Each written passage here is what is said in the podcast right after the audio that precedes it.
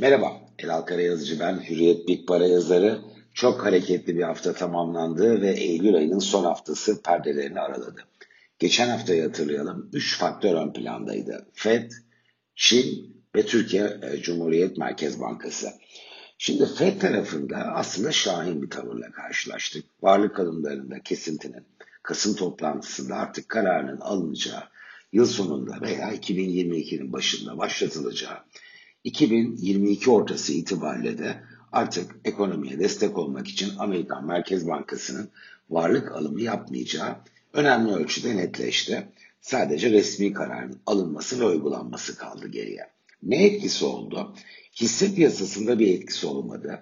Para piyasalarında yani döviz cephesinde de çok fazla bir etkisi olmadı. Tabii döviz cephesi derken küresel para piyasalarını kastediyorum. Türkiye'de Merkez Bankası'nın sürpriz faiz indirimi çok güçlü etki gösterdi yoksa. Altın zayıfladı. Altının zayıflamasının da en önemli sebebi e, bu açıklamanın tahvil faizlerini gelişmiş ülkelerde başta Amerika yukarıya itmesi oldu. Yani etkiyi e, altın ve tahvil cephesi özelinde gördük. Çin burada durum biraz yatıştı.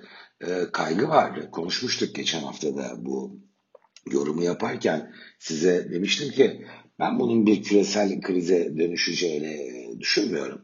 Daha lokal kalır etkileri. Bunu hem Amerika hem e, Avrupa tarafında Merkez Bankası başkanları ifade edince bu konuda kaygı duyanlar da rahatladılar. Buna rağmen bir bütün halinde borsa endeksleri geçen haftayı kayıplarla tamamladılar. Yaklaşık yüzde bir kadar ve Eylül'ün şu ana kadar olan kısmına bakarsak da dolar bazında borsa endekslerinde kayıp yüzde iki buçuk. Türkiye Türkiye Perşembe Cuma çok güçlü bir negatif ayrışmaya sahne oldu. Çünkü e, ben de dahil hatta başta ben diyebilirim. E, Türkiye'nin faiz indirimleri konusunda acele etmeyeceği ve bu toplantıyı Merkez Bankası'nın pas geçeceği beklentisindeydi birçok piyasa aktörü. Fakat 100 bas puanlık bir indirim geldi ve bu hızla döviz kurlarını yukarıya itti. Borsada da bankalar liderliğinde çok sert bir satışla karşılaştık. Neden bankalar burada en çok etkilenen cephe? Çünkü kur sert bir şekilde yukarıya gittiğinde bu bir süre sonra enflasyonu da yukarıya get- e, çekebiliyor. Ve Türkiye eğer kurlardaki artış daha da hızlanacak olursa bu faiz indirim döngüsünde taktik değişikliğe gidip faiz arttırmak zorunda kalabiliyor. Geride kalan 6 yıl bununla ilgili e, birçok e, deneyimi aslında bilgi haznemize ekledi.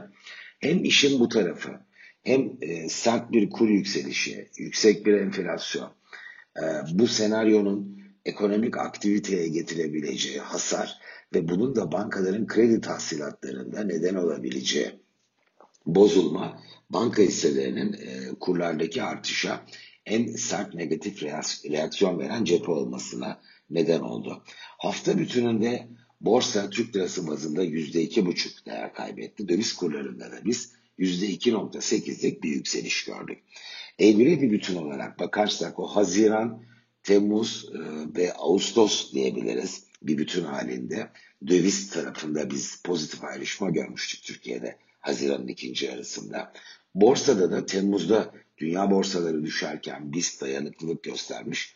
Ağustos'ta da çok belirgin bir pozitif ayrışma ortaya koymuştu.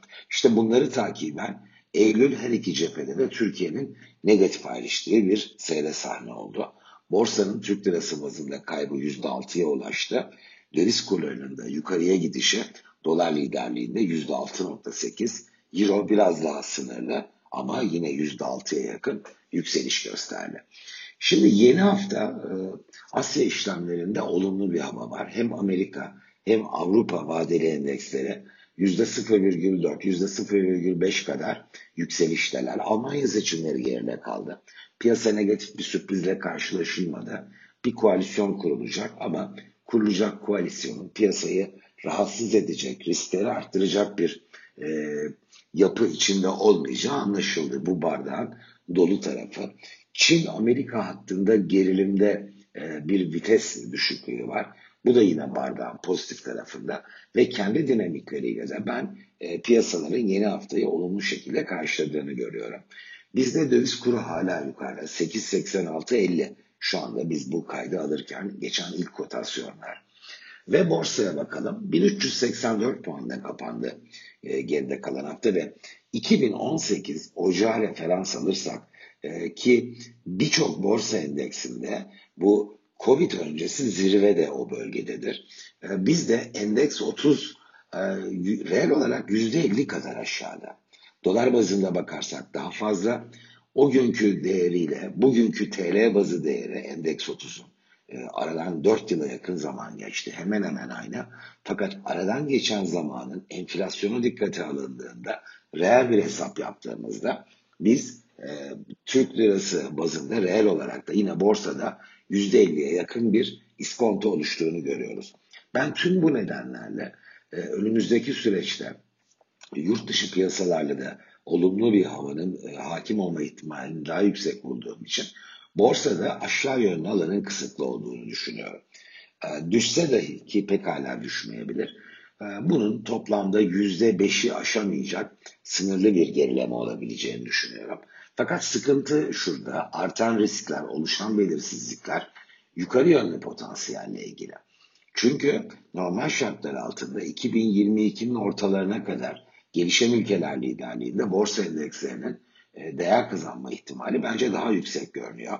İşte Türkiye uygulayacağı para politikası, enflasyon gerçekleşmeleri, iç ve dış politik gelişmelerle bu dış trendten ne ölçüde fayda sağlayabilir? Bunu öngörmek biraz daha zorlaştı.